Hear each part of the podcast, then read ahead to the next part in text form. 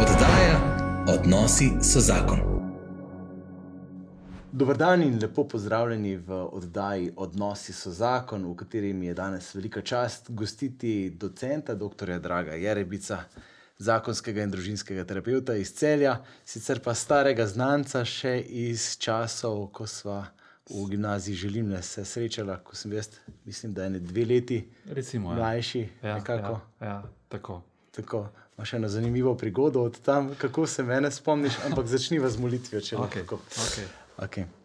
V imenu Očeta in Sina in Svetega Duha. Amen. Amen. Vse mogočni Bog, hvala ti in slava za tale čas, za tale pogovor, ki ga bova imela z dragom.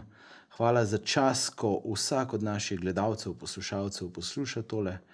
Prosim, Gospod, bodi ti v nas in med nami in nas ti po svojem svetem duhu nagovarjaj, da bomo slišali in povedali točno tisto, kar je prav, da bomo znali imeti odprta ušesa in odprta srca, mi dva pa tudi, da bomo povedala prave stvari. Po Kristusu našem Gospodu, Amen. slava Očetu in Sinu in Svetemu Duhu, Kakor je bilo v začetku, tako zdaj in vselej in vekomaj. Amen. in Očeta in Sina in Svetega Duha. Amen. Amen. Ja, če lepo zdrav, tudi v mojem imenu, hvala za povabilo. Z Um, veseljem. tako, mislim, je tako. En tak, fajn mi je bilo, pa hkrati pa tudi tako malo treme. In, uh, ja, ja, seveda, mislim, je, to je vedno tako. Ne, uh, kaj boš povedal, kako boš povedal. Ampak ok. In okay. potem se prepustiš duhu in verjameš, da. Dobri duh, sveti duh deluje, pa tudi da kakšne neumnosti filtrira. in To, to pa, kar omenjaš, ne. Uh, jaz uh, vedno, ko Benjamina, ko tebe srečam, a ne, Ja. oziroma starše tebe, ne, pa ko sem na vikendu. Mhm. Benjamin, jaz bi si zelo želel eno fotografijo, ko sem videl skupaj uh, pod hribom Mokrc. Mokrc uh, je bilo leta, mislim, da 96. Uh, si bil ti izjemno, izjemno pogumen, da nas je bilo kar malo strah, ostalih devet skupini, ko si ti fotografiral medveda, ki smo ga videli. Ja. In v bistvu mi smo v živo videli medveda. Je, seveda, je to tako globoka, mislim, vse za me je bilo to tako močna izkušnja, tudi s strahom povezana, vsaj prvih pet minut. Ti si še pa šel zraven, da ga res fotografiraš. ne, In uh, sem rekel, ok. Ta človek upa tvegati, in zgleda, da tudi to, kar delate z zakonci, je del tega, Okay. kako bi rekel, blagoslovljenega tveganja. Ne. Okay. Jaz sem, ne vem, ali sem bil res strašno neumen takrat. Dobro, je, Ampak- okay. Najstniško ne. Ampak kaj je pa že povedal, mogoče tudi o tem. Ja. Jaz se spomnim, Medo je šel levo, pa desno, recimo višinske razlike, kaj je zdaj 100 metrov, tako malo. Ne? In mi smo videli, gre levo, desno. In kar je v mojem spominu, ne, ok, on je verjetno teritorij označil in mi smo nekako dojeli, ok, ne id zdaj tja, ker to je njegovo. Ti si pa šel par metrov. Se dobro, zdaj, če gledaš, par metrov še Mečkeno bližje. še bližje. Ampak je tako, ne, fantje, če zdaj medo k nam, bež, bo k nam tekel, Kdo bo zadnji? Kdo bo zadnji? a ne? Pa Še spomnim se še ene anekdote. Bila je med nami ena punca, ki je vegetarijanka. In smo rekli, ok, če bo koga napadel, bo prvo tebe, zato ker je on rastlino jedje. Ne? In potem, ko smo šli nazaj, potem je vsakih 3-4 minute se spomnim, da je kdo rekel: Pazi, medved! Ja, ja, ja. In pa smo spet laufali, hej, Ti nekaj. si bil res dober. Um, zakaj sem moral bliže? Ker sem imel star ruski fotoaparat Vilija brez zuma. In tisti medo na fotki, nekje mora obstajati, jo bom zrihtal. Ja, Je ja. ena mejna črna pikica, več drugega. Mislim, Ampak, ja. tako, uh, no, ampak je ena taka izkušnja, ne? pozitivna, le- lepa, globoka izkušnja. Res je, ja, ki si jo zapomniš za celo življenje, ja, ja, ki jo ja. v digitalnem svetu ne moreš uh, doživeti na ta način. In recimo, zelo fajn je ne, v zakonskem življenju. Uh, Nekaj zdaj govorijo, kaj se spomnim. Jaz se, recimo, mm -hmm. ok, se, mi dva sta se srečevala kaj na hodniku, v jedilnici in tako, ampak tisto je bila za me dosti bolj intenzivna izkušnja, mm -hmm. ne, ker sem se za tebe zapomnil kot kje druge. Mm -hmm. In recimo zdaj dva zakonca. Kaj so najintenzivnejše izkušnje med dvema zakoncema? ne? Mm. Če se, se spominjata, ne? Okay, verjetno samih začetkov. Samih začetkov, pa predvsem jaz bi rekel, samo, ali so plusi ali so minusi. veš. Vprašanje je morda še bolj relevantno, kaj pa potem. Ne? Uh, ja, ja, ker se mi zdi prav to. Uh, ohranjati se mi zdi, da je zelo pomembno, da ljudje ali rodbine, recimo, kaj je crkveno leto. Ja, mi se spominjamo nekih močnih trenutkov, ne? kaj so praznovanja. Vse, vsak režim si naredi neka praznovanja, spominjanje nekih stvari. In se mi zdi zelo pomembno, da dva zakonca imata tudi neke svoje spominjanja svojih močnih trenutkov. Ali pa, mislim, da danes imaš veliko literature ki govori o tem, okay, ali pa v seminarju, ne vem, zjutraj, vzemi si čas, obudi hvaležno, zakaj si v življenju hvaležen. Uh -huh. Sploh ni to nekaj vezano strogo na krščanstvo, ne? ampak uh -huh. je dejansko je to nekaj tako obče, č- če se jaz spominjam, pa zakaj sem hvaležen. Pa meni je bila ena stvar zelo lušna, kako so. Izraelci ohranjali vero, ne? so bili v suženstvu, v Egiptu in potem jih Mojzes reši iz Egipta. Uh -huh. Prvo je seveda navdušenje, super, seveda čez čas pa, hej, dragi moj, Puščava. puščava, kam si nas pripeljal, mi smo lačni, tam smo, res je bilo, ni bilo fajn, ampak smo vse za jesti imeli. Ne? In potem je tako Mojzes, ok, a smo bili 23 krat uh, lačni, ja, a nam je Bog dal 23 krat mano ali ne vem, hrano. Mm -hmm. Ja, je, ampak tokrat pa malo dolgo čaka že. Aha. Okay, če je toliko krat za nas v preteklosti poskrbel, bo verjetno tudi sedaj. In da ima človek to zavedanje v sebi, ali pa dva zakonca, ok, uh, sva dala nekaj stvari že skozi, morda tudi nekaj težkih stvari skozi. Potem bo verjetno tudi tole sedaj dala. Ne? Ker drugače, drugače je človek prav, ja, katastrofa, groza. Ne? In je v naši nevrologiji se sprožijo stvari, če mi zdaj, ne, katastrofa, ne bo šlo. Če se malo Ja, ja, ja, povrnem ja, ja, recimo, ja. k foto, k fotografijam. Ja. Ja. Jaz nekje imam tisto analogno fotografijo, pa vem, v kateri Ja. ja. gajbici jo imam. Ne? Ja. Mislim, da so k temu spominjanju včasih zelo pomagale fotografije, kot Je, papirnate ja. ja. fotografije. Zdaj, ko je to vse digitalno nekje na enem disku spravljeno, gre zelo veliko našega življenja, čeprav je fotografij ne broj, ne? Ja, ja. ampak to gre v resnici v pozabo. In se mi zdi, da ta spominjanje je tudi zaradi tega morda mečken slabš. Ne? Bom jaz zdaj, da se še malo vrnem Ja, na tiste ja. izhodiščne točke, ki sem si jih mal zamislil. Um, veš, če se pa spominjam od ne tako dolgo nazaj, Ja. uh, ko je priletela ena prijava na seminar Nepozabni trenutki za najo in sta se prijavila terapeuta Drago in Sara Jerbic. Takrat smo imeli pa mi tremo. Moja žena je kriva. A, Ne, moja svakinja je kriva. Uh, moja svakinja, uh -huh. uh, Nataša, pa Simon, moj brat, pa uh -huh. svakinja, ona dva že po moje 5-6 let hodita in mi dva, Sara, sva potem vedno šla otroke čuvati k njima, ko sta šla ona dva. Uh -huh. In uh, ona je bila izjemno navdušena nad temi stvarmi, se neko, ok, če ti Nataša rečeš, da je to v redu, absolutno.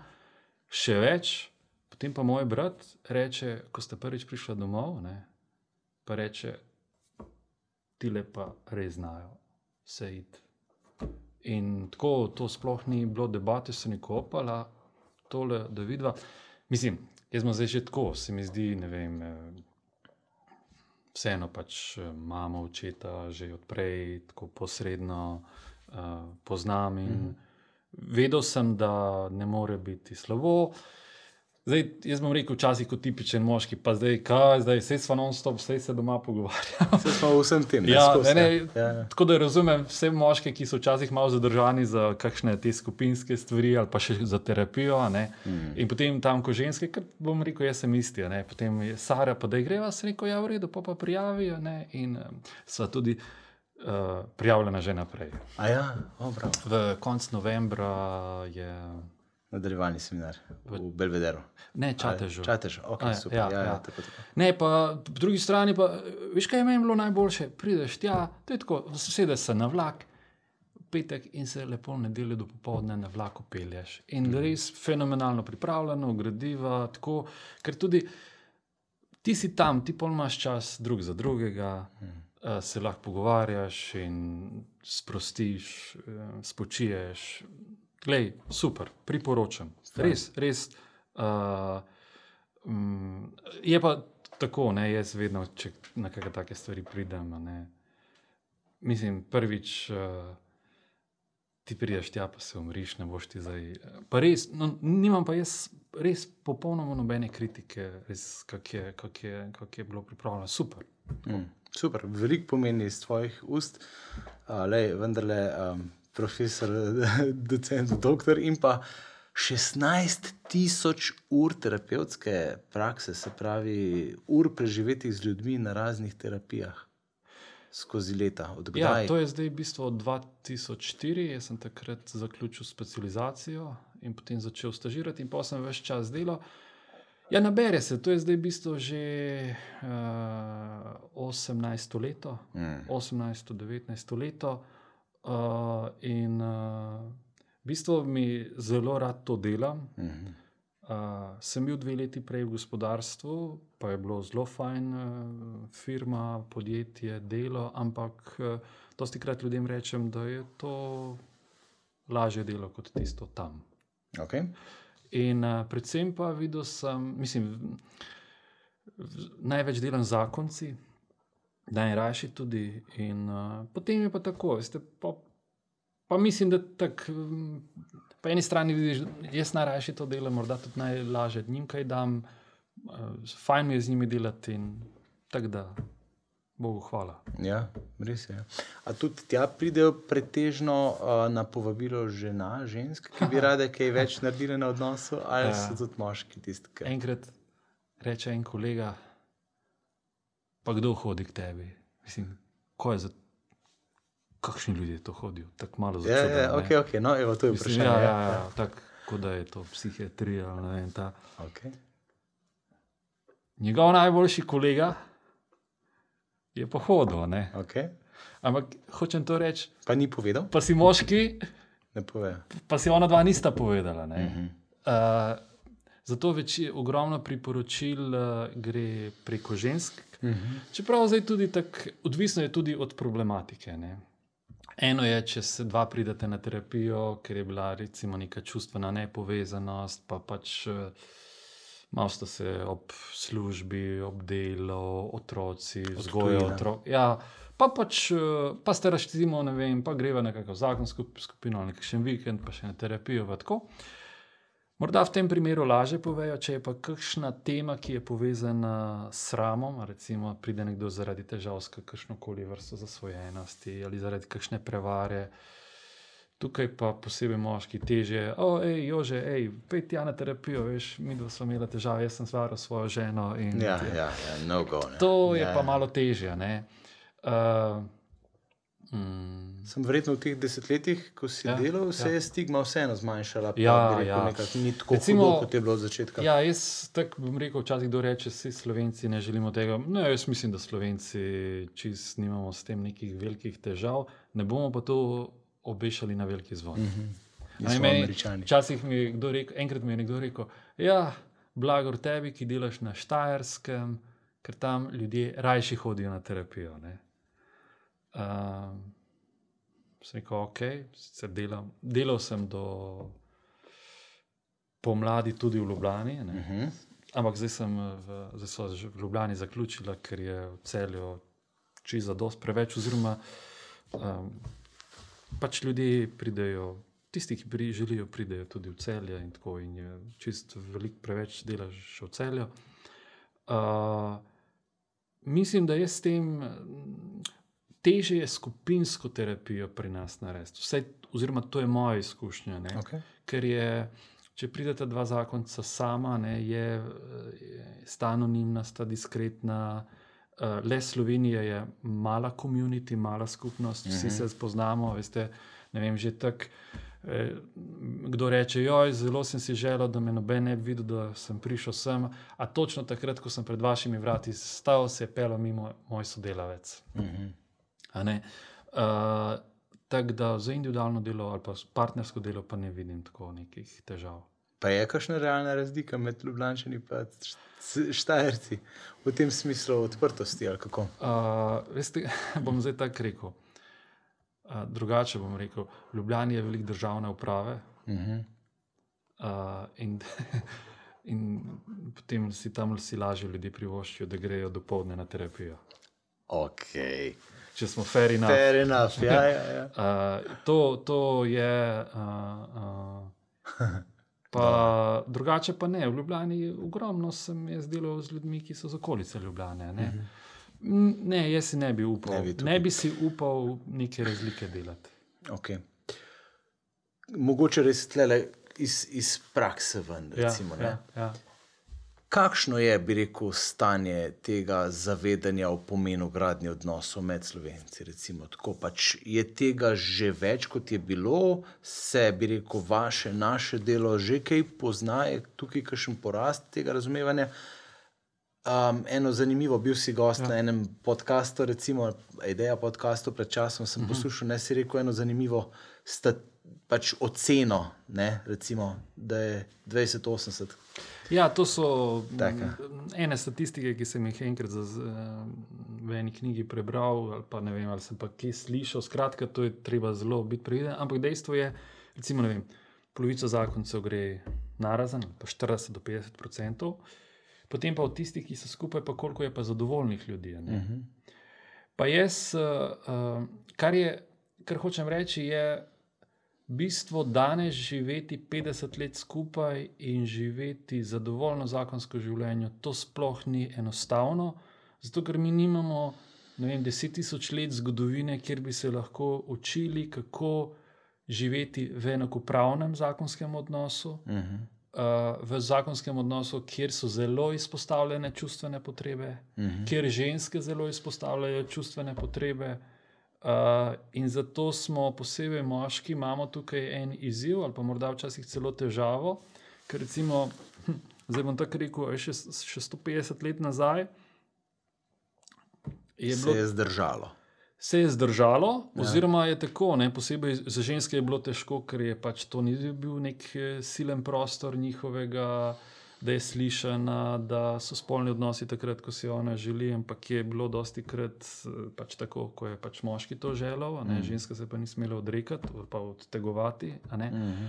Potem, eh, ko je izziv, kako ekonomsko preživeti, sploh, eh, da, da ne bo lakote, da ne bo bolezni, da ne bo vojne, in seveda tega je ogromno bilo. Umrljivost otrok. Ja. tudi, ne?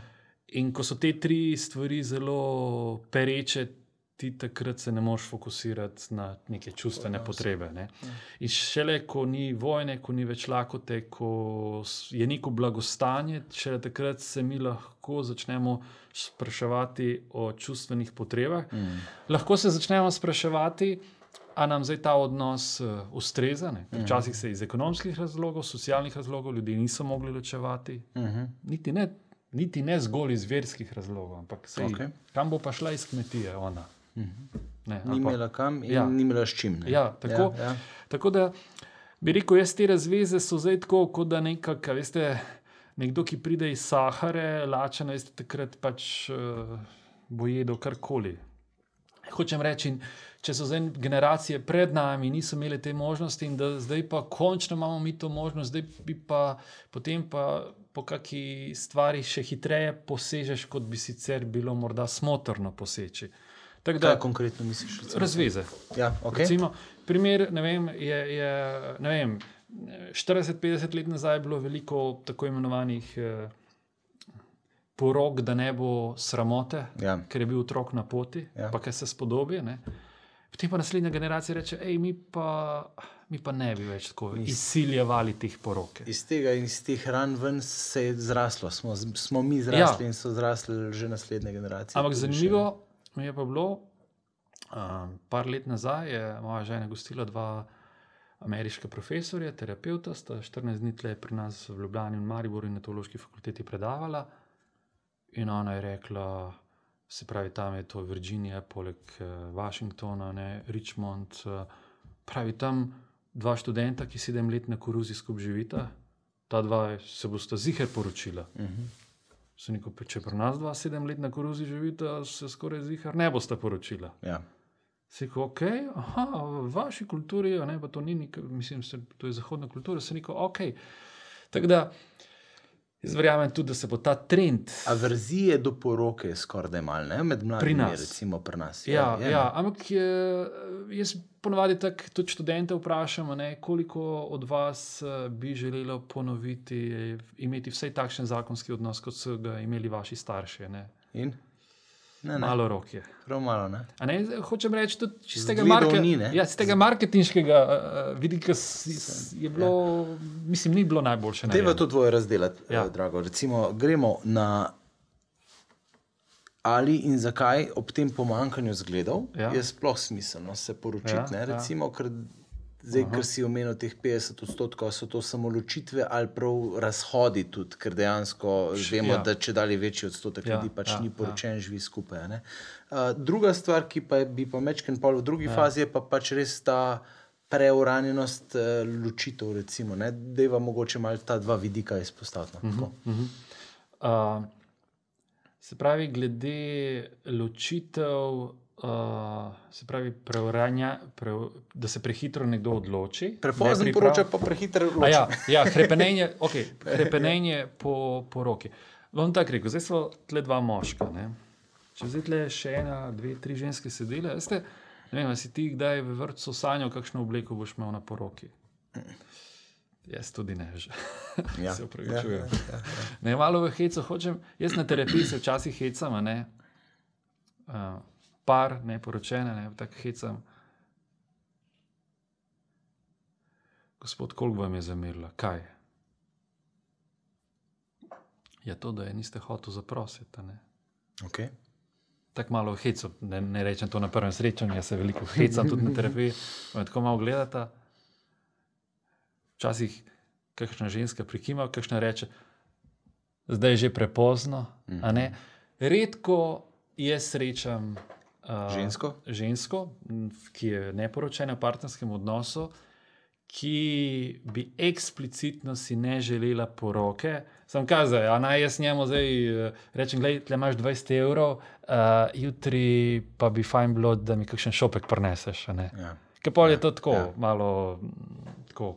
Uh, in je, bom zdaj tako rekel, jaz bi tam, ko so pari, ki začnejo, ki so vem, eno, dve, tri leta skupaj, uh, stari 25, plus, ne, uh -huh. uh, če bi on bil zelo zagret, da bi jo zaprosil, Ja. da bi neko, neko, neko dejansko šel z neko vizijo. Tako, jaz bi šel, šel pol spraševati, kaj bi te ženske naredile. A bi ga pustila, a bi rekla, no, da s nikoli več kaj takega ne narediš, mu zamerila.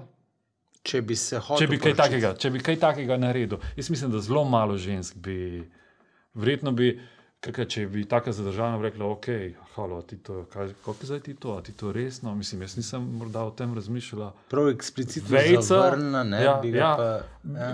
Verjamem, da celo tiste, ki zelo so zadržane glede tega, bi rekla, ok. Do, do tebe, dokler nisem tebe spoznala, nisem o tem razmišljala, ampak ti svojo držo, s svojim ja, držo, pa mi očitno odpiraš ene vrata, ko bi pa morda še jaz tudi tem začela razmišljati. Ker tukaj vendarle je nek element varnosti. Ne? Pa, Halo. Mislim, kaj, kaj pomeni zaprositi nekoga? Čist psihološko gledano, ti mene poznaš.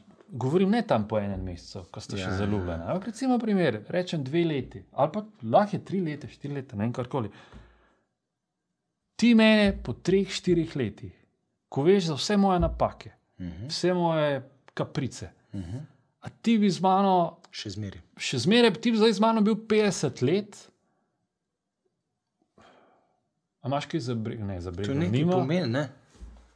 Pa kaj, a pol sem jaz vredno slučajno. Tako, mislim, ta, ta psihološki moment je tako močan. Jaz ljudem rečem, ja, poroke je brez ste se poročili, da je. E, probajte.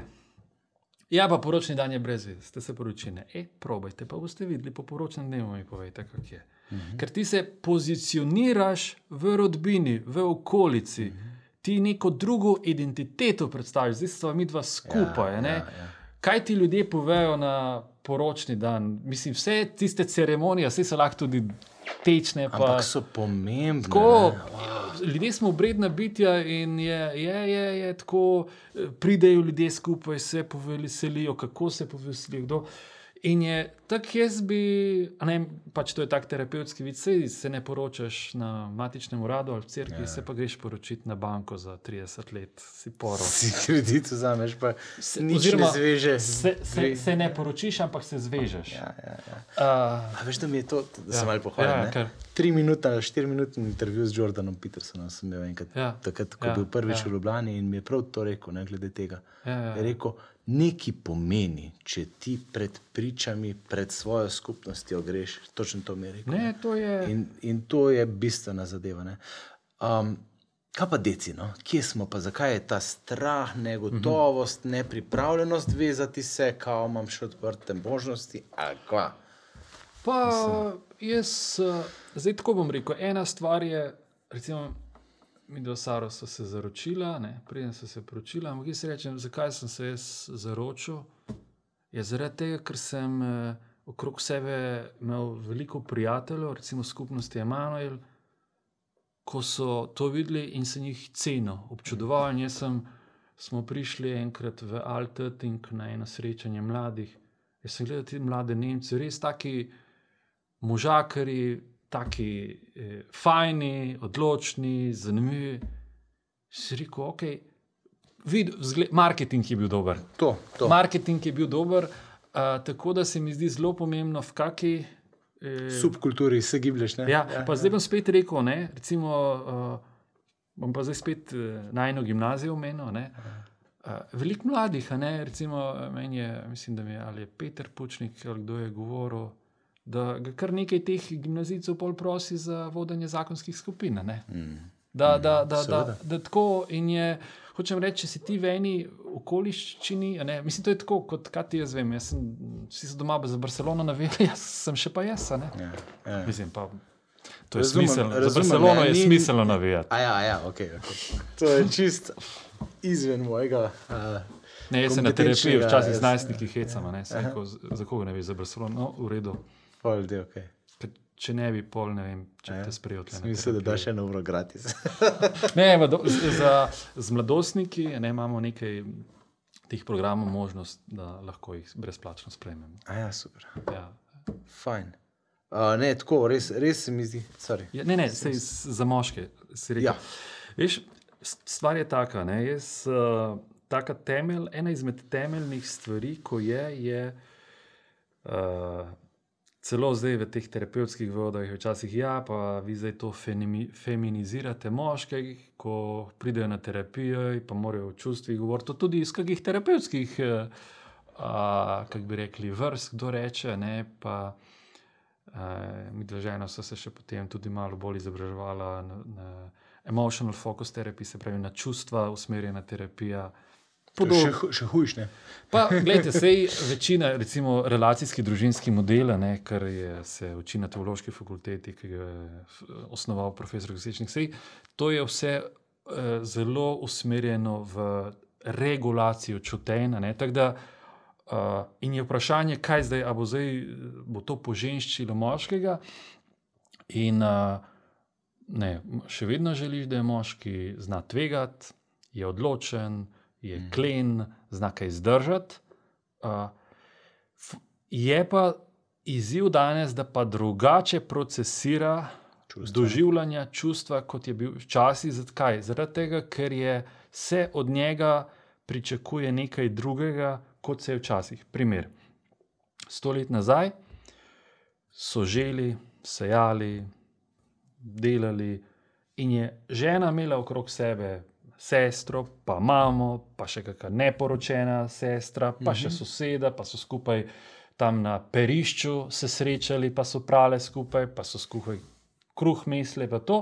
In ona je lahko vse svoje čustvene stvari, ali pa večino svojih čustvenih stvari, sprocesirala s temi petimi, šestimi ženskami. Uh -huh. Ko smo delali, ko jih je bilo več, jih je bilo tudi 20. a ne. Uh, in od moškega ni bilo, a je, je moški res tisto, ko bo Ata prišel domov, pa bo požugal, pa je bil sodnik, pa malo tam in tako. ne. Ja, ja. Zdaj, Kar je bilo za deca bolj lagodno, če tako pogledaš iz emocionalnega, To- ne takega vidika, bi rekel, "O, uh, se nam lahko Ne. kovca. Ne? Ne. Okay, Čeprav za, he, za hec, ne, ampak v resnici, ne, Ja, če se ja. pa pomatraš, ne, Ja. Pa pol, ko pa pride do kvalitetnega odnosa z ženo, Ja. ne, tega pa tam ni bilo. Ne. Ponavadi. Verjetno. Ok, gledajte, tako bom rekel, jaz, jaz morda to stvar izpostavljam. Uh, mislim, zdaj tako bom rekel. Ona je bila zadovoljna, ker je to imela. Ja. Ta krok je imela, ki ga danes nima več toliko. Ja. Ja. ali pa je malo drugačen. Ne? On je dobil neko, je imel vseeno neko, ma, malo se, ko je prišel noter, se je usedel, so mu hrano dali, so, tako je bil vseeno malo gospod. Spoštovanje, ne? Spoštovanje. ne. Tako da bi rekel. Ne bi kar avtomatično, ker to nam vel- veliko učitev. Vi ste v krščanstvo, ali kako bi rekli, reklamirali nek zakonski odnos, ki dejansko je eh, eh, produciral nezadovoljne ljudi. Treba iz tistega zornega kota stvari gledati, kak je tam bilo. Ja. Ampak hočem reči, danes pa ona tega nima, tega, da lahko toliko ima, kakšno prijateljico, se kaj srečajo, to, ampak eh, ne živi pa skupaj s prijateljico. ali pa tako.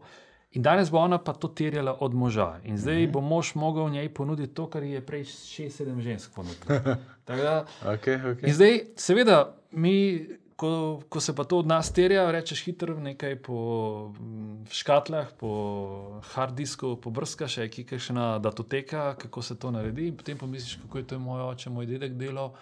Ne, vidiš, ok, bila sta delovna, ne, ajde, trudila sta se biti poštena. Vem, Vse je bilo okoli hiše zrihteno. Ja, ja, ja, to, to. In rečeš, ok, ponovi vajo, ne, narediš.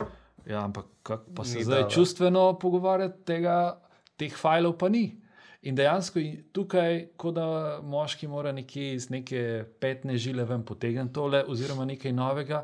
Ali pa, če bi rekli, to je njegov safari danes, to je tvoja postolovščina in džungla. Hmm. A se lahko, recimo, primer meni je zanimivo, na to, kar si prej eh, eh, omenil, ne Klemna Selakoviča, ta ideja podcasta. Ne? Prepustiti se nekemu flowu in gre, kamor gre, v tem čustvenem smislu. A lahko jaz pridem na en, pogovarjam se z nekom. Kaj tri ure sta bila? Pa dobro, tisto, tisto, tisto, tisto, ampak tudi doma, a lahko ti za svojo ženo, svojo partnerko, partnerjem, otrokom, a se lahko prepustiš in se pogovarjaš. Ja, ne, imaš obrambne zidove, Eh, imaš strah, ker tako, ne veš, tako, kaj tako. bo prišlo ven iz tega. Ne? Ker zdaj pa, če pa obrambne uh, sisteme ali pa te eh, omenjaš, ne. Veš, ti obrambni sistemi pa lahko tudi v duhovnem smislu preprečujejo včasih eh, prodiranju svetega duha, delovanju svetega duha. Seveda. In jaz sem tudi recimo tako. ne- ne- Nekdo, ki morda ni veren, oziroma ni veren uh, tako prav krščanski veri. Tako. Jaz rečem, nekdo, ki se prepusti nekemu flowu, nekako skuša biti nekako dober, skuša biti nek dialoški, skuša nekako biti uh, korekten. Si pa kdo bo rekel, kdo lahko reče, da tle ne deluje sveti duh? Mhm. A Ne? Ja. Pa ne želim biti preveč nekako uh, teološko vsegliharski, ampak jaz se dosti krat sprašujem, včasih drugi vatikanski koncil je rekel, anonimni kristijani. Mhm. Uh, prav to in se mi zdi zelo pomembna stvar, a se mi lahko v partnerstvu, uh, v zakonskem odnosu ali v starševstvu čim bolj prepustimo, prepustimo odnosu. Ali se prepustimo temu pogovoru, kaj nas bo, kaj bo ta otrok v meni prebudil, kaj bo naslovil. Ne, en tak, ena taka dobra receptura je, gremo se z otrokom, ne vem, eno uro parlamenta, parlamentarne demokracije, Mhm. lahko replike, predloge. Ne. Potem pa spremeni, po eni uri pa spremenimo to v parlamentarno monarhijo, ko pa monarh odloča. Mhm. Ampak pomembno pa je, da je tisti čas prej, da pa lahko nekaj, da lahko otroka slišimo. Sej na koncu se bo še vedno starš mogel določene stvari odločiti. Super. Ampak, če se vrnemo Ja. zdaj k paru, Ja. zakoncem, recimo, da bo Ja. to najmanj fokus, ja. recimo danes. Ne? Veliko ljudi, ki pač nimajo nobene izkušnje, ki, ki pač bi res morali spet, ne, v, Ja, spet ven ja. potegniti, recimo, neko, nek trud za odnos. Ne. Tega koraka se mi zdi, da ne zmore. Ne. In živijo v nekem večnem statusu quo, nekih večnih, bi rekel, zapor, zavor, strahov. Uh, se pravi, ustrajajo. Mislim, da, oziroma jaz poznam en kup takih parov tudi. No, Ki pač v tem, kar je znanega, ustrajajo in to dolgo časa. Ne? In ja, seveda, danes, potem, po nekem takem času, posebej morda pri ženski, pač ali moški, uh -huh. Gre v katerega od izmov, jaz rečem, v katerega od pobegov. Uh -huh. Pa je to delo holizem, športoholizem ali pa katerkoli drug izem. Ja. Um, ženska pa tudi zna pač pobegniti ven iz tega. Ali, se pravi, um, kako ta dva, ki pač tako živita, kje je kakšna začetna točka, kaj lahko, recimo, konkretnega naredita. V tem smislu, da se nekaj začne delati, da ni kar skozi isto, da ni. A veš, kaj folk zgubi upanje, recimo, ne, in rečejo, sploh kašne gospe, pa da nehi, pa ta se mi ne bo nikoli spremenil, jaz ga imam dost.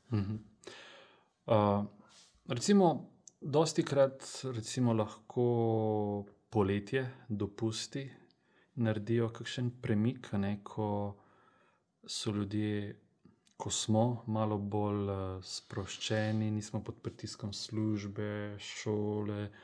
In jaz vidim tako, v terapiji vidim, da dosti krat tako pari prvič uh, se več pogovarjajo na dopustih, če hočeš, imajo več spolnih odnosov, uh, več časa skupaj preživijo, uh, in potem.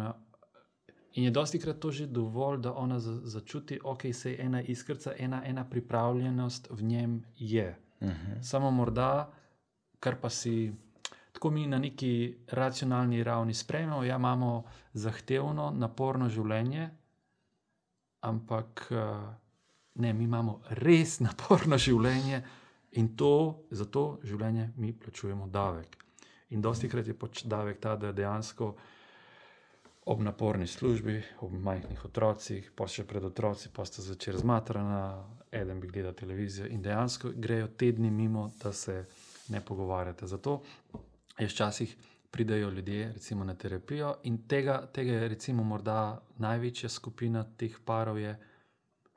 Ni neki, neke, kako bi rekel, Akutne težave. Ja, ja ne, ne, spet tak, tak uh, heca. Ne. Uh,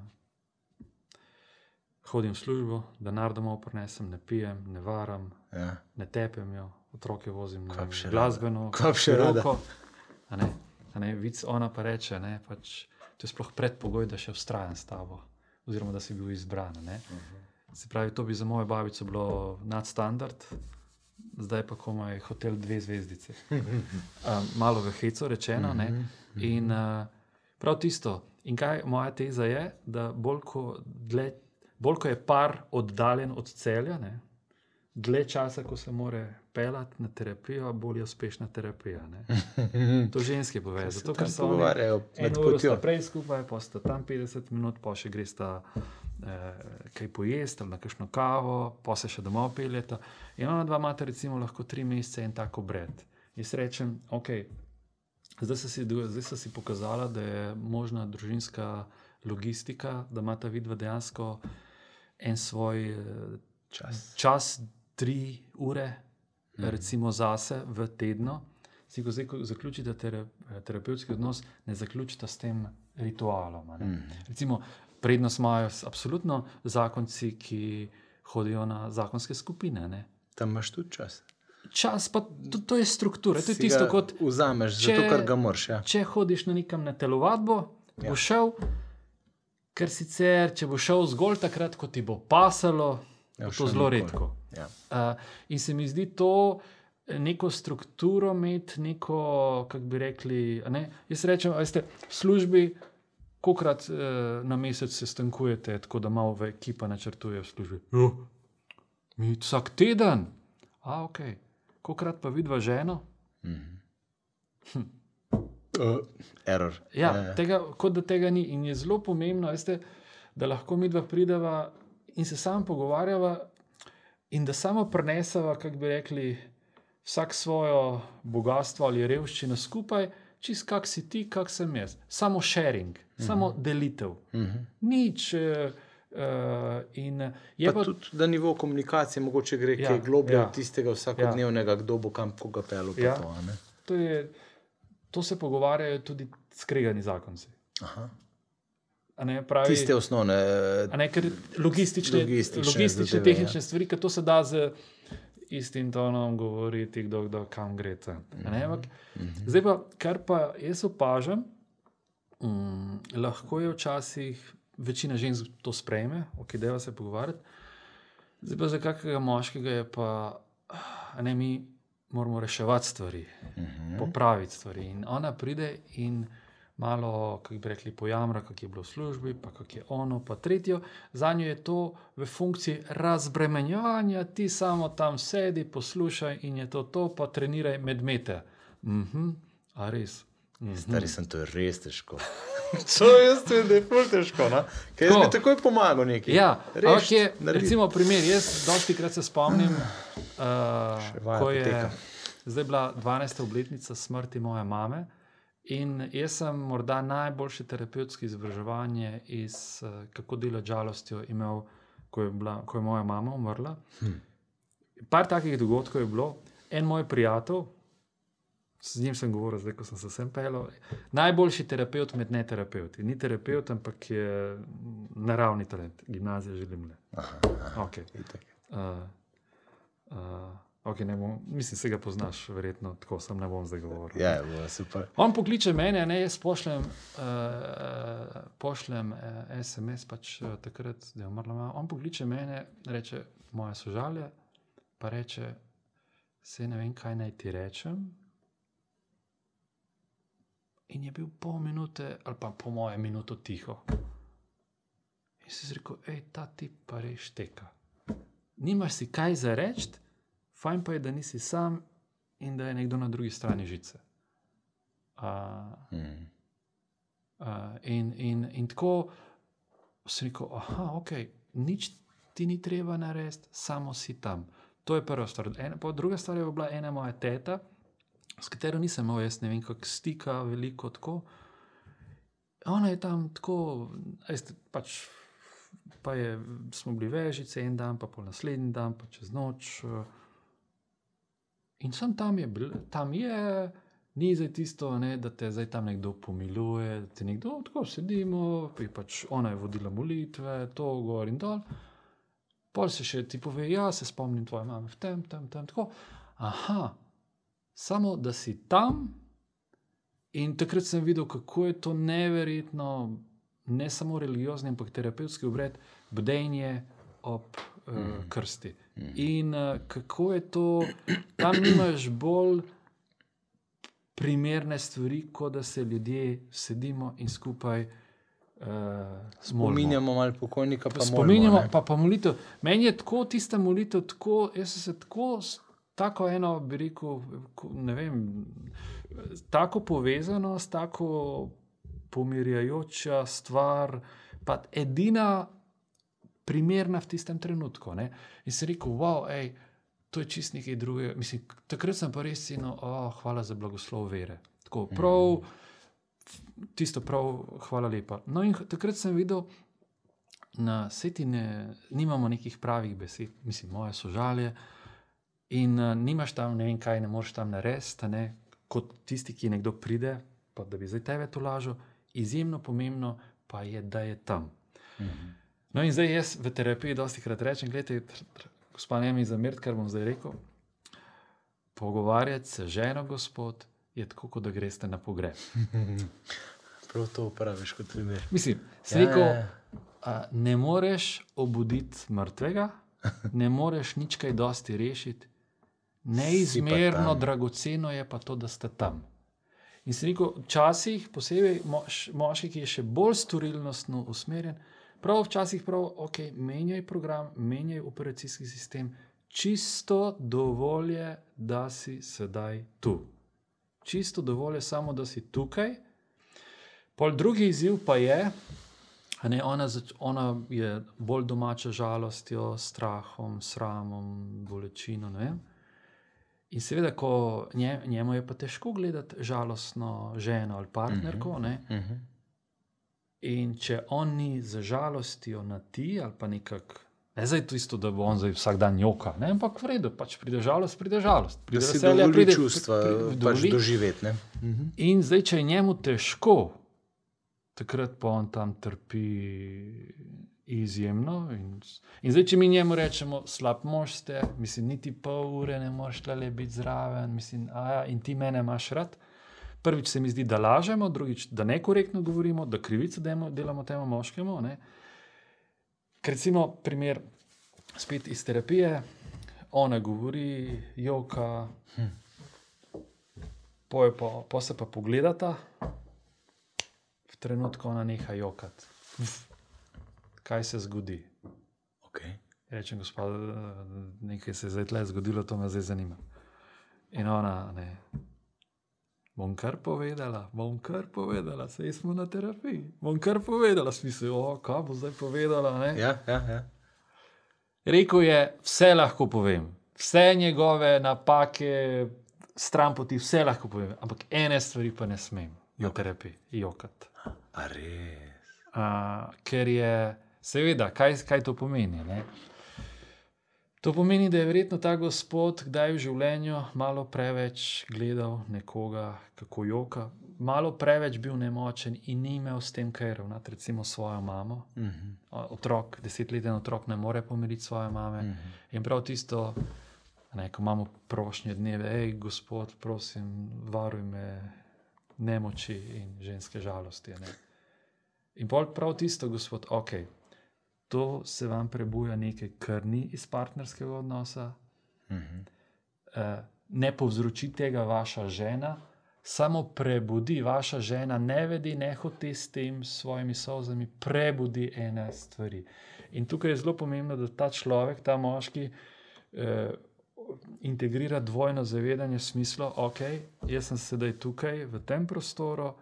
Se mi je pa prebudilo nekaj izpred 30-40 let. Pa nisem kriv.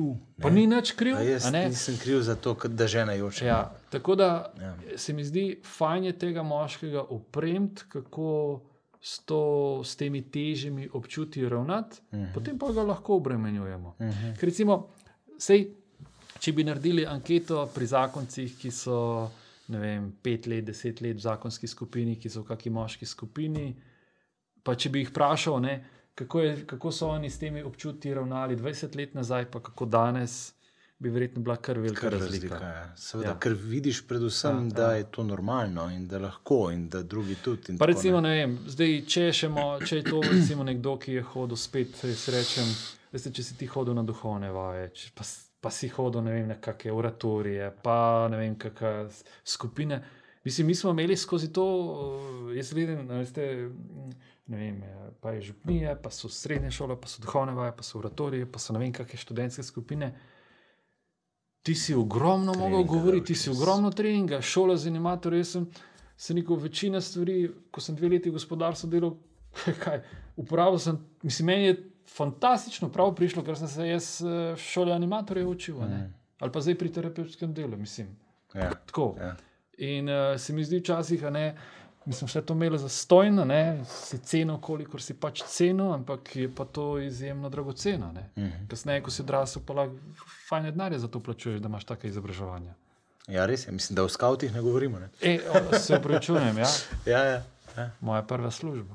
Aha, res? Ja, ja, ja, jaz sem bil strokovni delavec poleg uh, Milana. Poleg ne. Milana. Ja, pa ja, je. ja. Prvič, ko so iz enega šli na dva. Da, ja, jaz sem takrat smo selili iz uh, Metelkove na.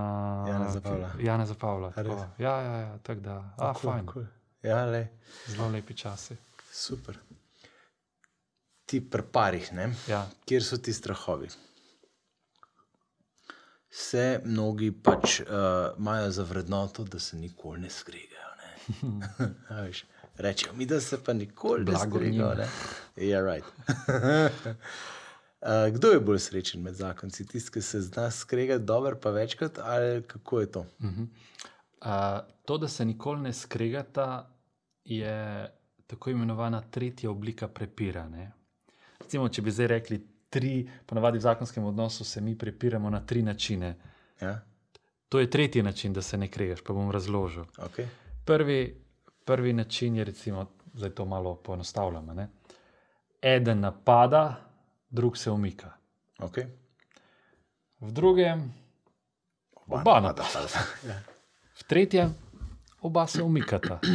To ni, da se ne skregata, ampak pomeni, da vedno tik preden bi prišlo do oba se potegnete nazaj. nazaj.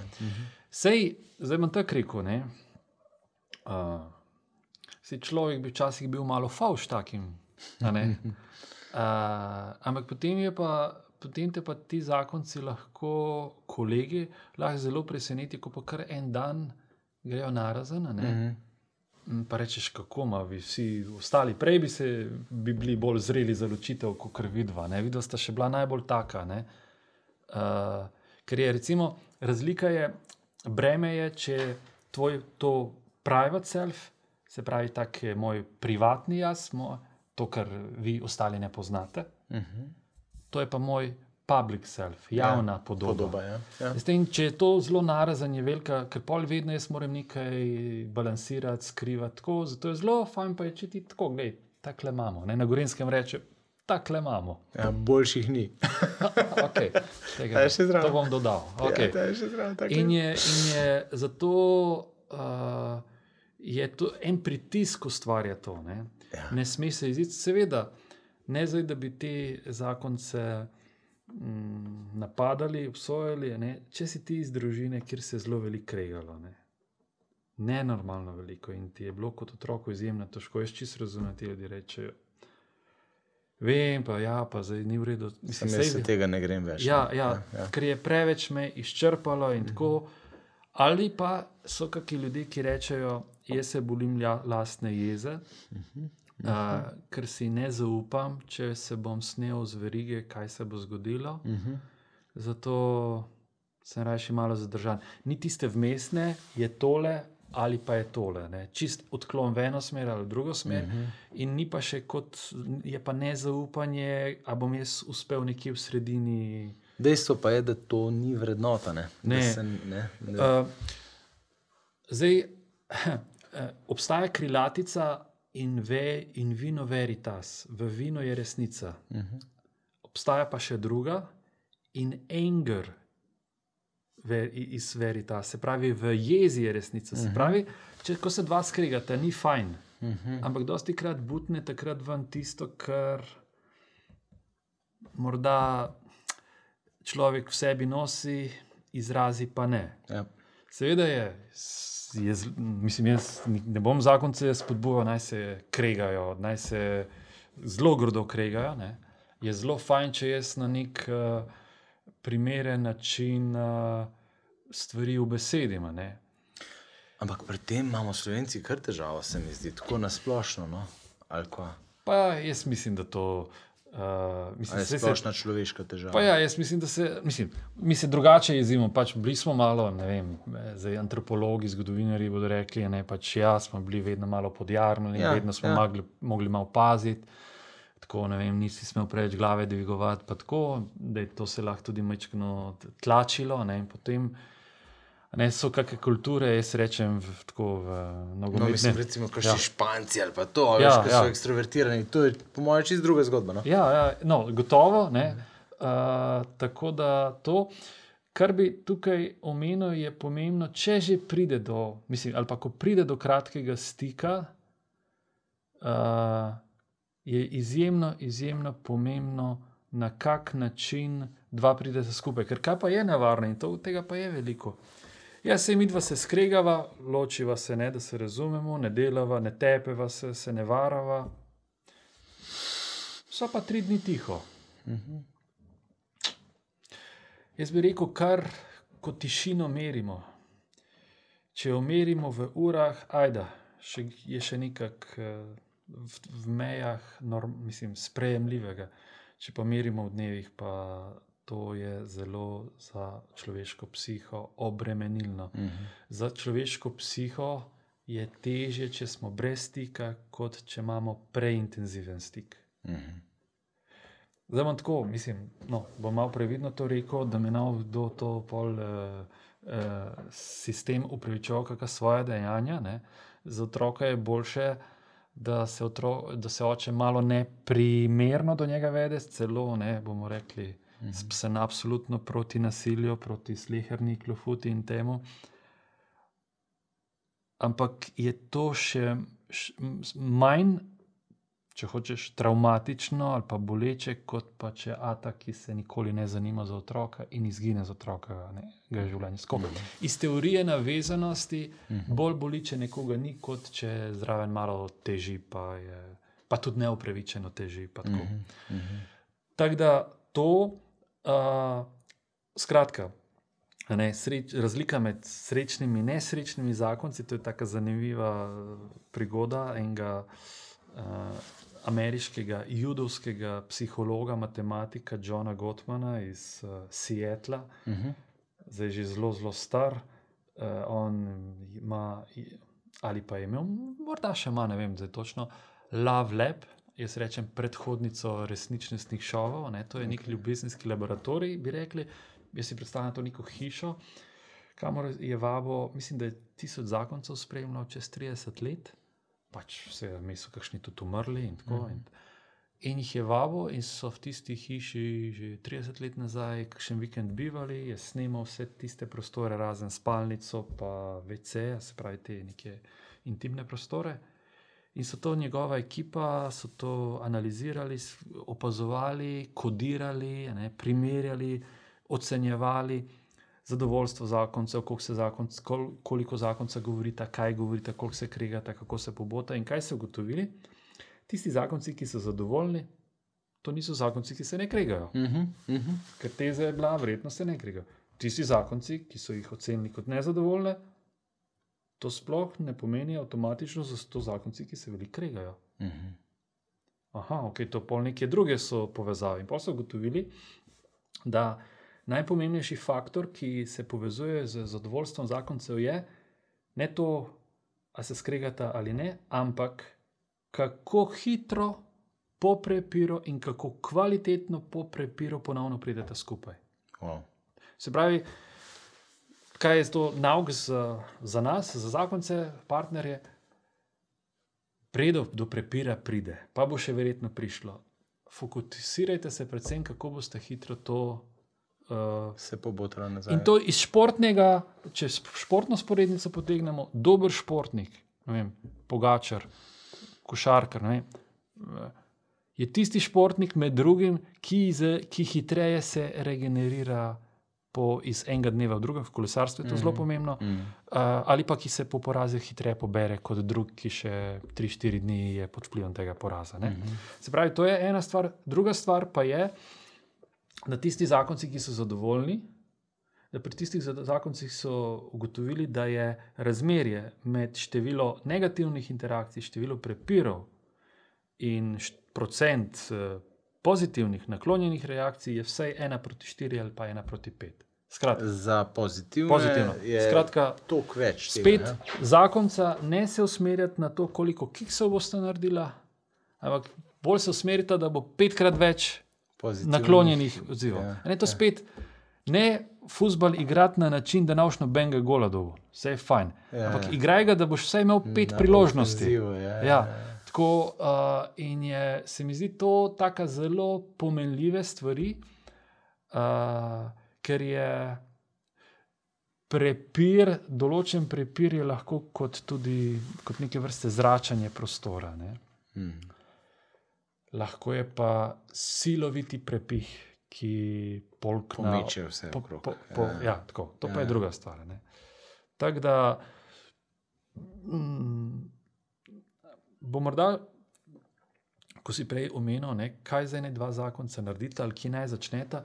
Meni se zdi zelo pomembno, eh, da,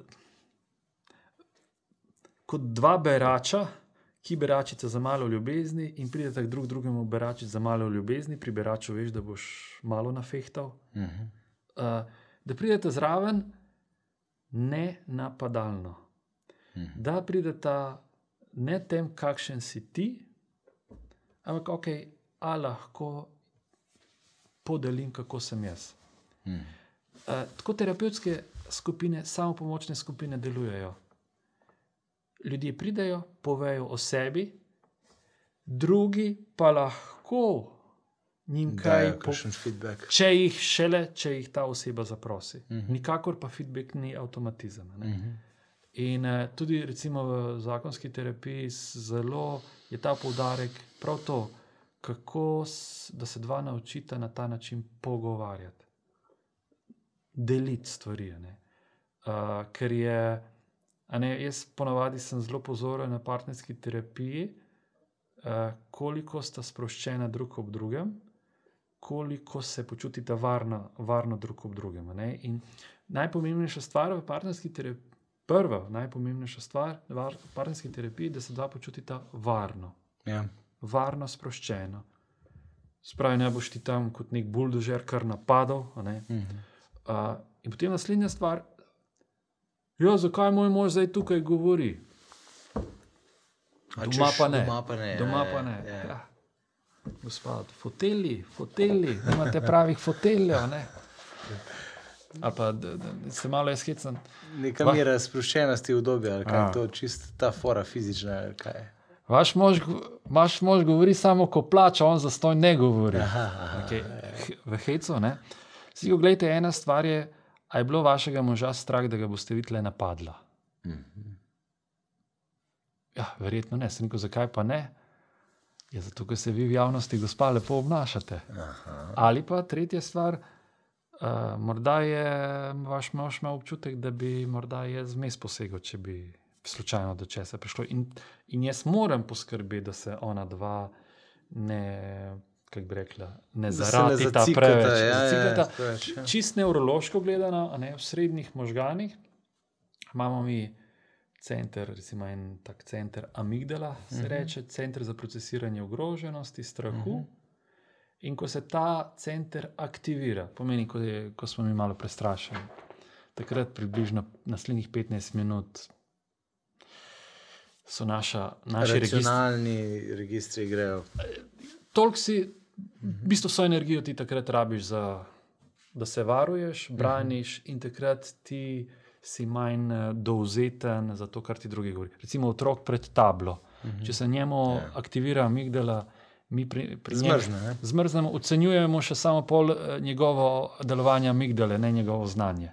Ne? Uh, zato se mi zdi pomembno, da ona dva na nek način zaznavata iz, nje- iz lastne mimike, gestikulacije, besed, pri, drug, pri drugem pa pri sebi, okay, kaj zdaj te moje besede v tebi sprožijo. Sem, ker jaz imam občutek, da sem čist prijazen. Mhm. Ti mi pa lahko rečeš, drago, ti sploh ne veš, kako si in vsilil, napadale. Ne vem, tako. A jaz, jaz, najbolj miroljubno biti. a ne." Sem rekel, ok. Mislim, ti lahko meni rečeš, ti sebe tako ocenjuješ. Nas vprašaj, kako te doživljamo. Ne? In se mi zdi tako, je zelo pomembno, da znamo včasih, aha, da preprosto se pozanimamo, kako nas ljudje doživljajo. Ne? Jaz vem, da mene žena včasih sproti korigira in pove, a se ti sploh zavedaš, koliko si človeku skakal besedo. in se dejansko fizično ne zavedam, ker sem tako smoten. Okay, zdaj s- Ne? Ampak to, to je, to je en tak Copy-paste. pri- to- Ja, ja. Ampak, veš, je pa zdaj ena stvar. Ne? Uh, no, spet bom te, kar je ne, zanimivo. To, kar si prej omenil, ta dialog, ne, tam si ful skače v besedo. ja izvunim. Ja, ja. Ja, ja. Uh, ampak so vsi taki. Ampak veš, koliko se jaz nazaj držim? Ne, ampak ena stvar je, veš, tako bom rekel. Uh, uh, če hočeš ti nekaj narediti, če ti, bom rekel, če, če je to en, recimo, en podjetnik, lastnik firme, ki ima sto ljudi, ne vem, uh, če nekdo je ne vem, pot- prepotoval cel svet, ja, to ni ovčka. A ne? In druga stvar je pa ta momentum. Meni zdaj pride ena misel, bum. Če zdaj jaz tega ne zapišem in zdaj jaz poslušam še minuto, tole gre. Uh -huh. Zato jaz, eh, jaz na terapiji sem rekel, gledajte, uh, jaz, ne, ne, takoj. Butnite, bomo mi to pol že nekako skupaj zložili. Ne? Okay. Uh, ker se mi zdi, včasih, posebej, ko gre v čutenjih, je to tako močno. Ne? Dobro, pa meni, morda ker jaz to tudi počnem, me ne moti. ne. Ja, veš, ker so ljudje tukaj različne osebnosti. Ja, in ja, ja, potem, ja, ja. recimo, če pa nekdo v odnosu, ne, ja. vse čas drugačen, bolj zaprt, teže se ven prihaja. Ne, in je vse čas v tem podrejenem položaju, pa po počasi pa prekipijo stvari, recimo, ti gre pa lahko ta drug ful na žute, če je, dominira vse čas. Ne. Zato se mi zdi tle zelo pomembno, se mi zdi, da Na znamo, zakonsko skupino hodijo. ja, pa ne, da znamo, veš, tako, če sem jaz zdaj tisti, ki se podrejeno kdaj počutim, no, tako, Ja. da znam včasih roko dvigniti, ja. Ja, ja. pa ne na napadalen, ampak tako samo rečem, ok, uh, uh, zbudite me, ko bom prišel na vrsto. da na en tak uh, sprejemljiv način poveš, da je ok, uh, ne da takoj napadeš, kaj zdaj ti. Ne vem, uh, ali kolego, kolegici, ženi, možje. Ne, da, ampak da rečemo, ok, tako smo te doživeli. Uh, zdaj, jaz ne bi to avtomatično rekel, da je to napaka, ampak je tako. Ne, uh, če, ti, če si prodoren v življenju, ne, ti, ti, ti si malo, pol, moraš biti malo leva. Ne, pa od moškega se tudi to pričakuje. In potem je včasih malo težje. Tistim okrog njega. Ja. Ne, pa ne mislim samo okrog njega.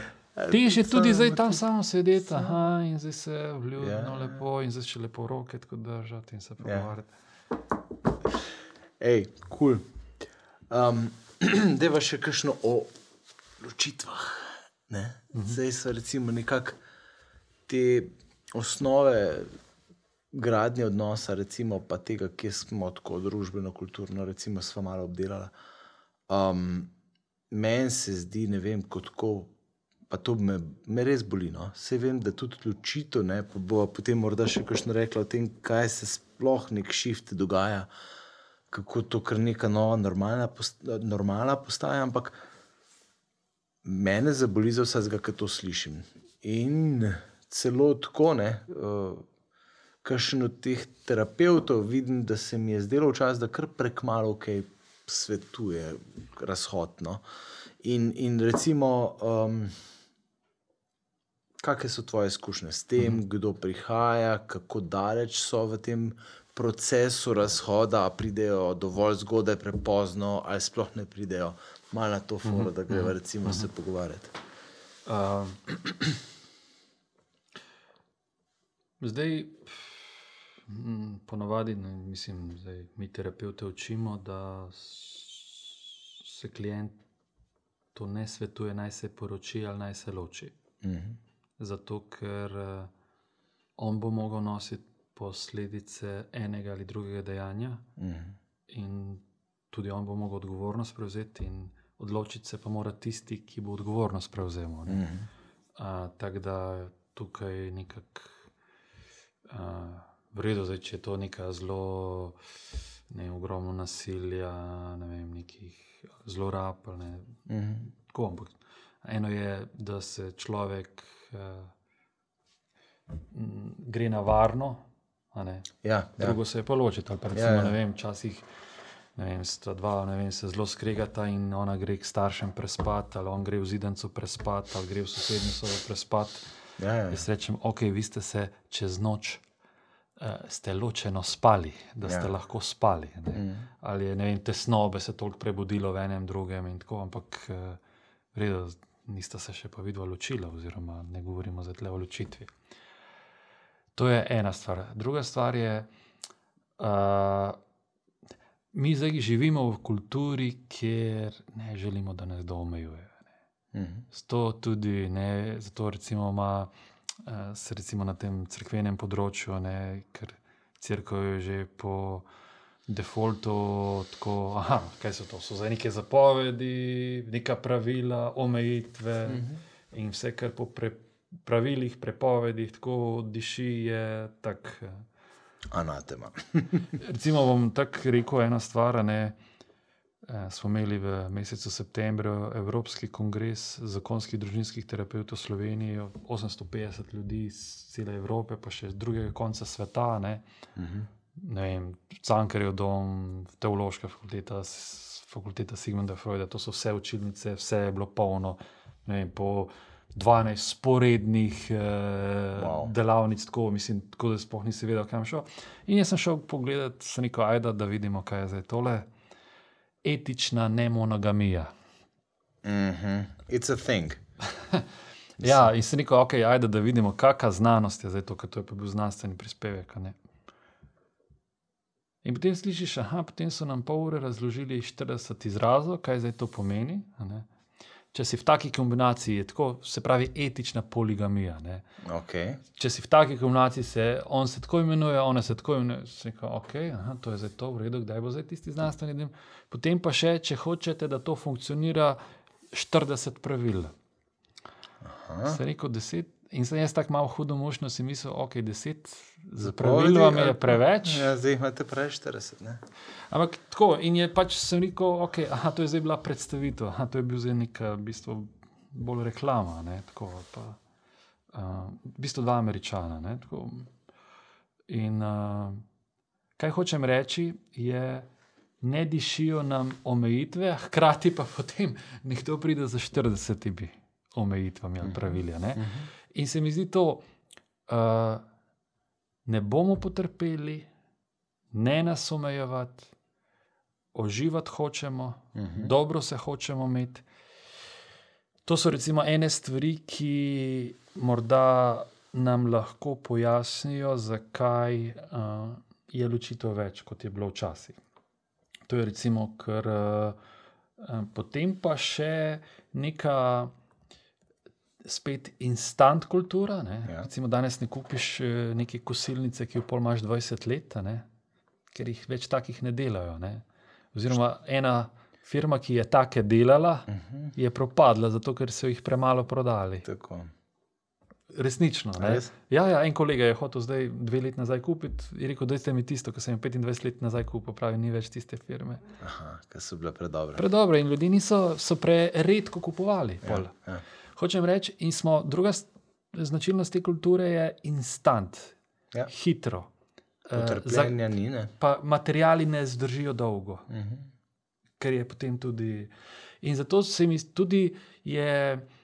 Uh, Pol naslednja karakteristika, ki bi rekel, če ne izhajaš z nekega, nekega tega krščanskega miljeja, okolja, morda tudi ne greš v partnerstvo tako zelo zabetonirano, da bi to šlo do konca, kot morda nekdo, ki izhaja iz tega. Ok. Okay. Pustmo, sej se glih tako eh, kristijani ločujejo kot ne kristijani, ampak eh, ni to neka pozitiv, ni, ne, ni to plus, če ti štartaš nek odnos, pa ne veš, a ga boš do konca pripeljal ali ne. Kaj je pri nas, morda, Ja. ja. sorry za Ja, medklic, ne, kar- A je pri nas mogoče kakšna statistična razlika med kristijani in ne kristijani v smislu ločitev? Poznaš kak tak podatek? A, Ker jaz recimo za Ameriko vem, da je med evangelicals Christians, ja. ne, recimo ni nobene statistične razlike med ločitvami kot ostali sekularni svet. Recimo. Se pravi, to je med protestanti. Ja, med protestanti v A. Ameriki. Recimo. Ne, po, vem, da je, je en naš študent delal magistrsko nalogo tudi glede vaših skupin. Uh Mhm. -huh. In kaj da je, ali je v vaših skupinah je izjemno malo. Ločitev. Ja. Ja, ja, ja. Janes, Sicer- kaj? Ja, Janez Ja, Logar. ja, ja, Logarjev, ja. Zelo dober Se magisterij ja. naredil. a, Nimam, nimam, nimam tega podatka, kako okay. je. Uh, ampak hočem reči, da ne glede na to, ali si kristjan, ali si kristjan, si pa zelo deležen te kulture. Ne? Ja, In se mi zdi, da tako kot kristjan, ki je osamljen, bo zelo težko neko svoje življenje. Se to je tako, kot ne vem, nekdo bo hotel meditirati.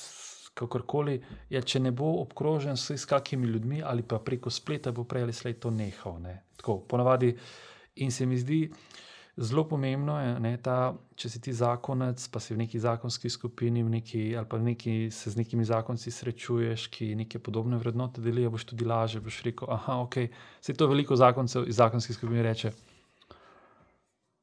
Sem prišel tja, pa sem videl, da mi dva sploh nisva tako grozna. ja, Oziroma, tipično, on, ja. ko ga zelo cenim, uh, Tam oni imajo tudi, oni imajo tudi kdaj pestro, pa ne zato, da bi se mu privoščil, da bi se, kako bi rekli, naslajal nad njegovo bolečino, mm. ampak tako sem rekel, ok, učit, lažje se sprejel neko svojo realnost In sedaj tudi lažje grem čez kakšne malo težje trenutke, ker rečeš, mm. pač to tako je.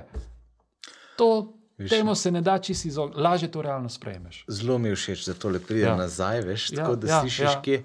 Ker mi namenoma gradimo to kontrakulturo in spričevanje, Ja, ja, in, ja. z, in z skupinami, da smo namenoma ranljivi. Uh Mhm, -huh. Ker tukaj, tudi v klerikalnih krščanskih krogih je bilo tega, rečemo mi, fasadiranja ogromno včasih. Ne? In tukaj prav za- zavestno delamo na tem, Recimo, no. primer. Ne, da si upamo povedati stvari. Ne? Uh, in je veliko lažje, recimo, je, če ti si s, s kakšnim zakonskim parom, ali pa recimo si z dve ženski, dva moška, pa se kaj pogovarjata.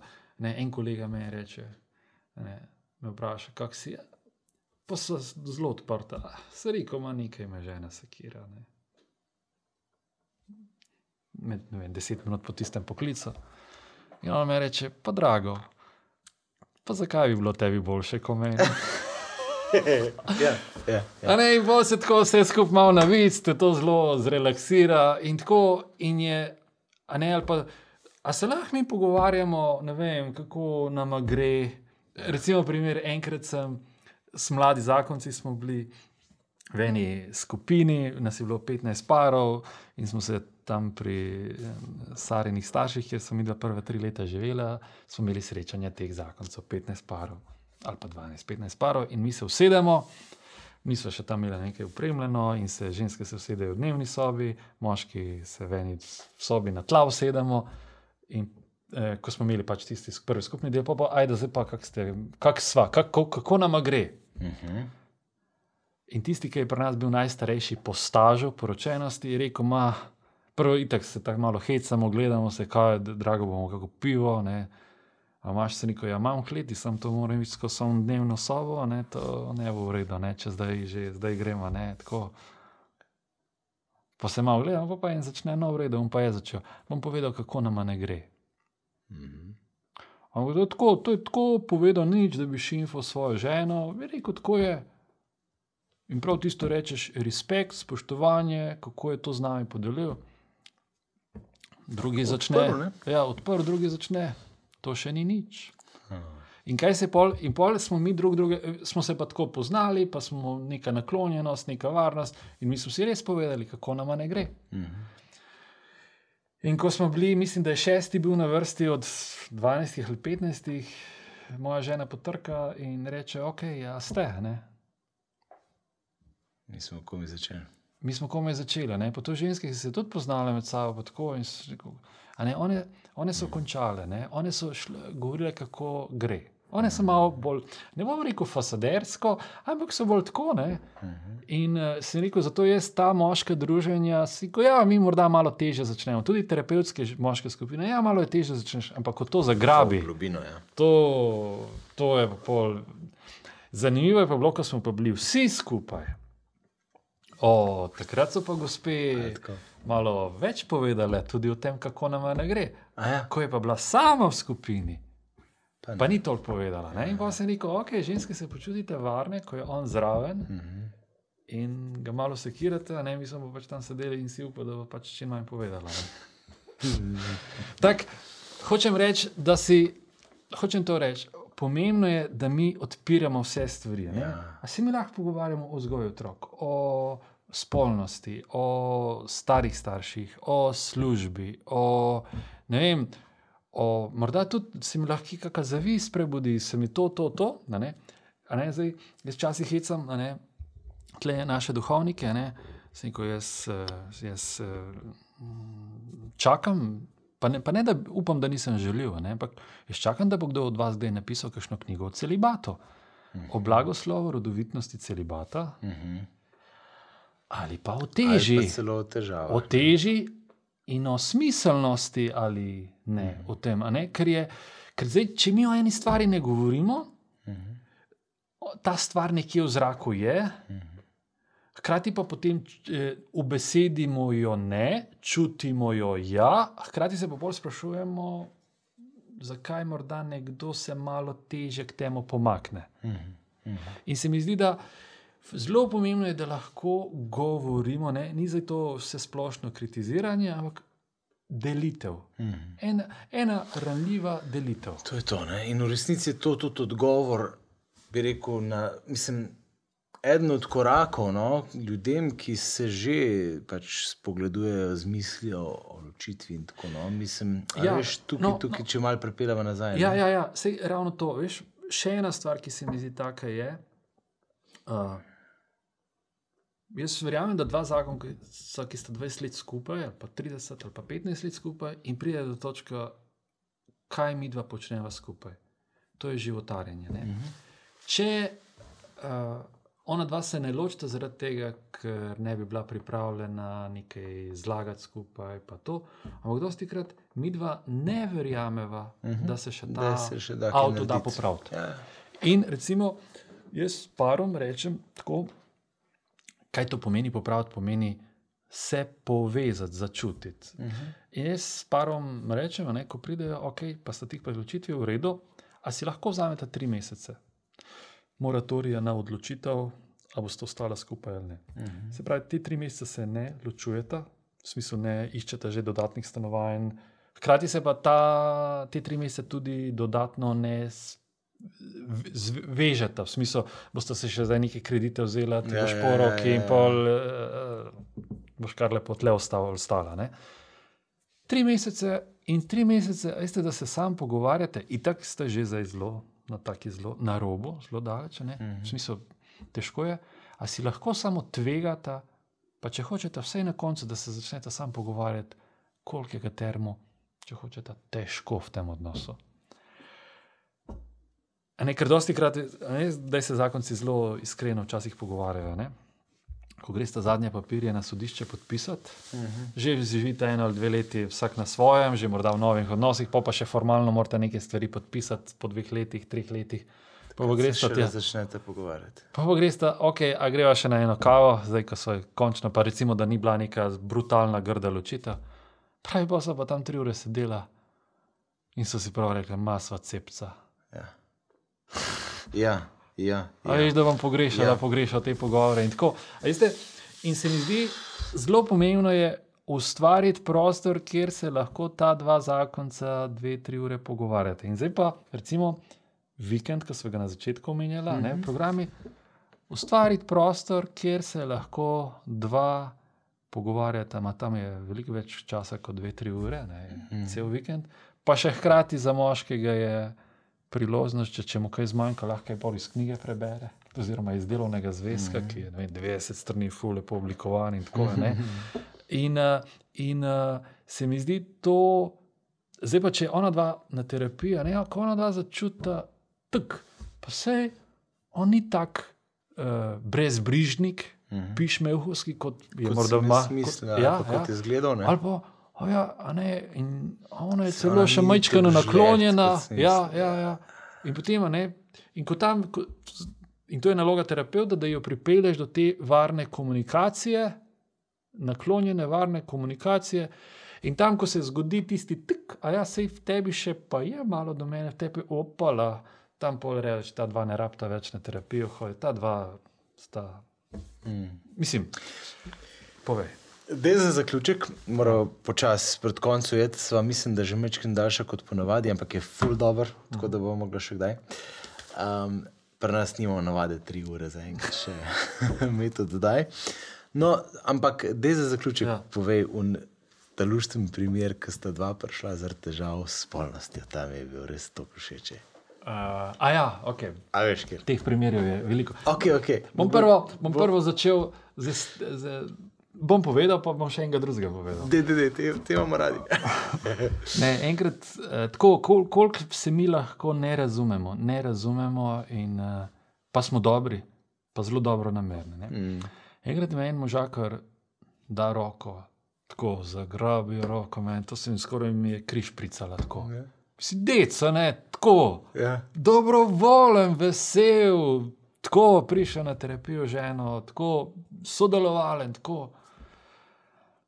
Siko, ok, on je super, pripravljen sodelovati, samo ko te pa stisne, če si njegova žena, če te objame, on te objame iz ljubezni, ma umreš iz, od tiste ljubezni, ki ne priješ do zraka. Ne? In, in si rekel prav to. Ne? Uh, kako temu gospodu to nasloviti, se neko ok. Ne? In, prav, in to je bila ena izmed ključnih teh točk. ne. Aha, težav. Ja, hočem reči, dva zakonca lahko imata silne težave, pa sta oba zelo dobro namerna. Mhm. Ker, je, ker, ne, ne, nista pa na isti frekvenci, enako stvari, ne, z istimi vatli ne merita stvari. A Ne, zdaj pa uh, to, kar si spolnosti, recimo, seveda, ne, veliko eh, zakoncev uh, pride tudi zaradi, veste, ni več neke spolne želje. Mhm. Uh, in uh, seveda, zelo, kako bi rekli, zelo pust je tak zakon, ne, ker je, je še to zgolj neko sostarševstvo, je zgolj neko Sobivanje. ja. sobivanje cimra, ne vem, tako. In, in seveda, jaz kot mlad terapeut, ne, sem se malo bil negotov, ne, mislim, jaz pa jaz na teološki fakulteti le nismo imeli deset kursov o uh, uh, seks terapiji in tako naprej. Ne. In uh, se ko nač, ajda. Pogovarjam se z njima, pa reči čisto tako, kot sem bil naučen, kako ste vi, gospa, kako ste vi, gospod, kako, kaj, kako se vi počutite, kako se vi počutite, pa tako, pa da se počutite varno drug ob drugem. Pa tako pač peljem to terapijo, ona dva, ker sodelujeta, um, zelo sodelujeta, pridete drugič, pridete tretjič, sta nekako, mislim, neko očitno imajo v redu ta način dela. Kaj jaz vedno rečem po prvem srečanju, gledajte, boste šli domov, boste prespali. Pa boste videli, če vam to ta, del, eh, ta način Ustreza dela na ustreza, način. če vam terapeut ustreza, pa mi pošljete mail, pa se bolj naprej govori, "O, no, jo, jo, gremo naprej. Co. Pa, pa jaz tam nekje na četrtem, petem srečanju rečem, ok, zdaj, ne, videl ste prišli zaradi tega, ne, pač sem in eh, čist me zanima, nismo zdaj niti ne vem koliko tega naslavljali, ne, tudi vidva, nekako pa sta vidva zdaj, ne, in potem je prav v tem smislu, ne, ne, vi, vi kar peljete svojo terapijo tako naprej, kot je, tista stvar pa ni več problem. Aha, aha. Ker je namreč stvar je uh, temeljni antiafrodizijak, temeljna ovira za spolnost pri dveh zakoncih, ki sta skupaj že malo več, kot je trajala zaljubljenost, Mhm. je strah. Strah, ne mislim fizični strah, da bo nekdo nekoga pretepal, ne, ampak ta strah, veste, če se dva skregata čez dan, če se ranita. Ne, Mhm. uh, je zelo, ne, včasih so rekli, ja, se v spalnici se vse porihta, pod rjuhami se vse porihta. Mhm. Ja in ne. Ja. Ja in ne, in v mnogih primerih ne. Se z dva zelo lahko distancirata. Ne? In, eh, in pomeni, uh, ne, včasih prav tisto, uh, a se mi dva lahko, ne, ženska bo rekla, sej v mnogih primerih lahko tudi moški, a ne, ampak eh, deva se mi dva najprej čustveno povezati, potem se lahko še telesno povežemo. ne. Spolni odnos se začne že zjutraj, pravimo mi. ne? Ja, ja. Uh, ena druga anekdota. Enkrat sem imel eno predavanje za zakonce, ne, se je rekel, ne, gospe. Je fajn, ne, če je, smo gospodje ne vem, prijazni že cel dan ali pa celo dva dni. Ne. Ah, vi ste še mlad gospod, mi to ena gospa prve vrste reče, vi ste še mlad, dve uri je čist dovolj. A ja. se znižajo standardi. Ne, in, je, in je, hočem reči to, ne, in je, koliko je to pomembno, uh, ta ena naklonjenost, to, in to je en koncept, ki se danes tudi vidi, eh, da daje neke rezultate, koncept zavestnega, naklonjenega partnerstva, komuniciranja. Ne. Mhm. To ni lepo rečanje, to ni hina, hinavščina, ampak preprosto jaz spet starše vprašam. A pohvalite, da je vašega otroka, ne, imajo recimo sedemletnega otroka? Kakšno vprašanje? Seveda. Kaj pa vašega gospoda? Ja, saj vem. Sneko, ok, gledajte. Uh, odrasli moški, se neko malo se heca, malo pa resno mislim. Včasih nismo dosti starejši kot sedemletniki, ampak po drugi strani pa sej ve, gospe, pa verjetno tudi. En, ne bom rekel, morda ne rabite toliko pohval, kot pa morda enega izkazovanja ljubezni, uh -huh. povezanosti, uh -huh. nekega ljubkovanja, mi morda malo več nekega spoštovanja, pohvale, potrdite. Uh -huh. In če sta dva zakonca podhranjena v tem smislu jo jaz rečem, to sta zakonca v krizi, živita tvegani zakonski odnos. Če pa živiš ti pet let tvegani zakonski odnos, se pa ne čudi, če kje kakšna Stvar poči. poči in se kakšna stvar naredi, recimo prevara ali kaj takega. Ne, ja, si ti odgovor, tisti, ki to naredi, si je neposredno odgovoren -huh. za prevaro, samo obstaja pa še širši kontekst, če pa dva, dve osebi, dva zakonca, pet, deset let živita v takem podhranjenem odnosu, se pa jaz potem ne čudim, da se kaj takega zgodi. Mm, mm. Zato je tako skrbeti, recimo, čisto ena taka, recimo za zaključek, ne, kje jaz lahko poskrbim, da moja žena ali pa moj mož ne bo toliko žen ali toliko lačen, pa tudi če zdaj klet iz, izključimo, ne, Mhm. kakšne sode in to vrstne prispodobe. Ja, ja, ja. Tako, kaj lahko jaz za svojega sozakonca naredim, da, se bo, da bo vsaj njej v redu, ali pa njemu v redu, če že meni ni. Hmm. Tako malo v hecu, Tisti, ne. ki je, je bolj ozaveščen, da ne bo rekla pameten. ne. Ja, ja. Tisti prvi začne in to je to. Ne? Um, Ja. ja. Z nekim izkazovanjem dejavne ljubezni. Ja. ja. Um, Mečken reklamce za na konec jaz, recimo, čist neposredno naredil, da tebe ne matram. Imejte probleme, da boste lahko hodili na terapijo, ne Ja, ja, ja, ali pa na seminarje, Ne. po zakonske skupine. Ja, ja, ja, ne imejte ja. probleme, ampak dejansko so problemi, povsod so problemi. Eden je rekel, veš, vi predižu imate srečo, se ukvarjate z neskončnim problemom. Ne? Ker imamo čisto vsi probleme Ne na tem zmanjkalo. odnosnih ne, težavah. ja, ne. ja. Dejstvo pa je, da so rešljivi, ne? da so Je. v veliki, veliki večini primerov rešljivi in da, da so stvari, da ni nič hudega, če so, ne? da je normalno. Uh, ker pač izhajamo iz take zgodovine, kot so prej rekla, ker pač smo možje, žen, žen različni in pač mečken znanja uh, in dobre namernosti lahko reši marsikaj. ne. Ja. Tako, no. Hvala lepa, drago, da si bil moj gost. Hvala za povabilo, pa hvala, ker tako res, eh, res eh, plemenito poslanstvo delate. Ne? 270 skupin, mislim, se verjetno imate predstavo, podatke, ampak koliko dobrega se to v teh eh, vem, eh, kaj pa 1500 zakoncev, pa še ne vem. Tako, to se mi zdi izjemna stvar, res ko in zelo podpiram in si želim, da še to naprej raste. Pa zdi se mi tudi tako uh, en model, kako nekdo, ki se dobro loti stvari in zna to zelo strokovno, organizirano, na nivoju pelati. Tako, mm. To sem jaz vas dan kot tak primer, dosti krat. Hvala Bogu, veš, dobesedno. To je njegovo delo in mi smo veseli tega. No, in vi tudi kaj zraven dodaste. mi pa svoje dodamo, ja, Ja, in, ja, in, ja, tako, ja. no, in je fajn, veš, je luštno. Zdaj smo imeli, dajemo naprej eh, za, za voditeljske pare, Aha. Seminar v Ja. Radencih. Ej, noro je bilo, res dobro. In to so tako, uh, res jih moram pohvaliti, tle javno, no, te naše voditeljske pare. To so tako zagreti pari, ki delajo redno.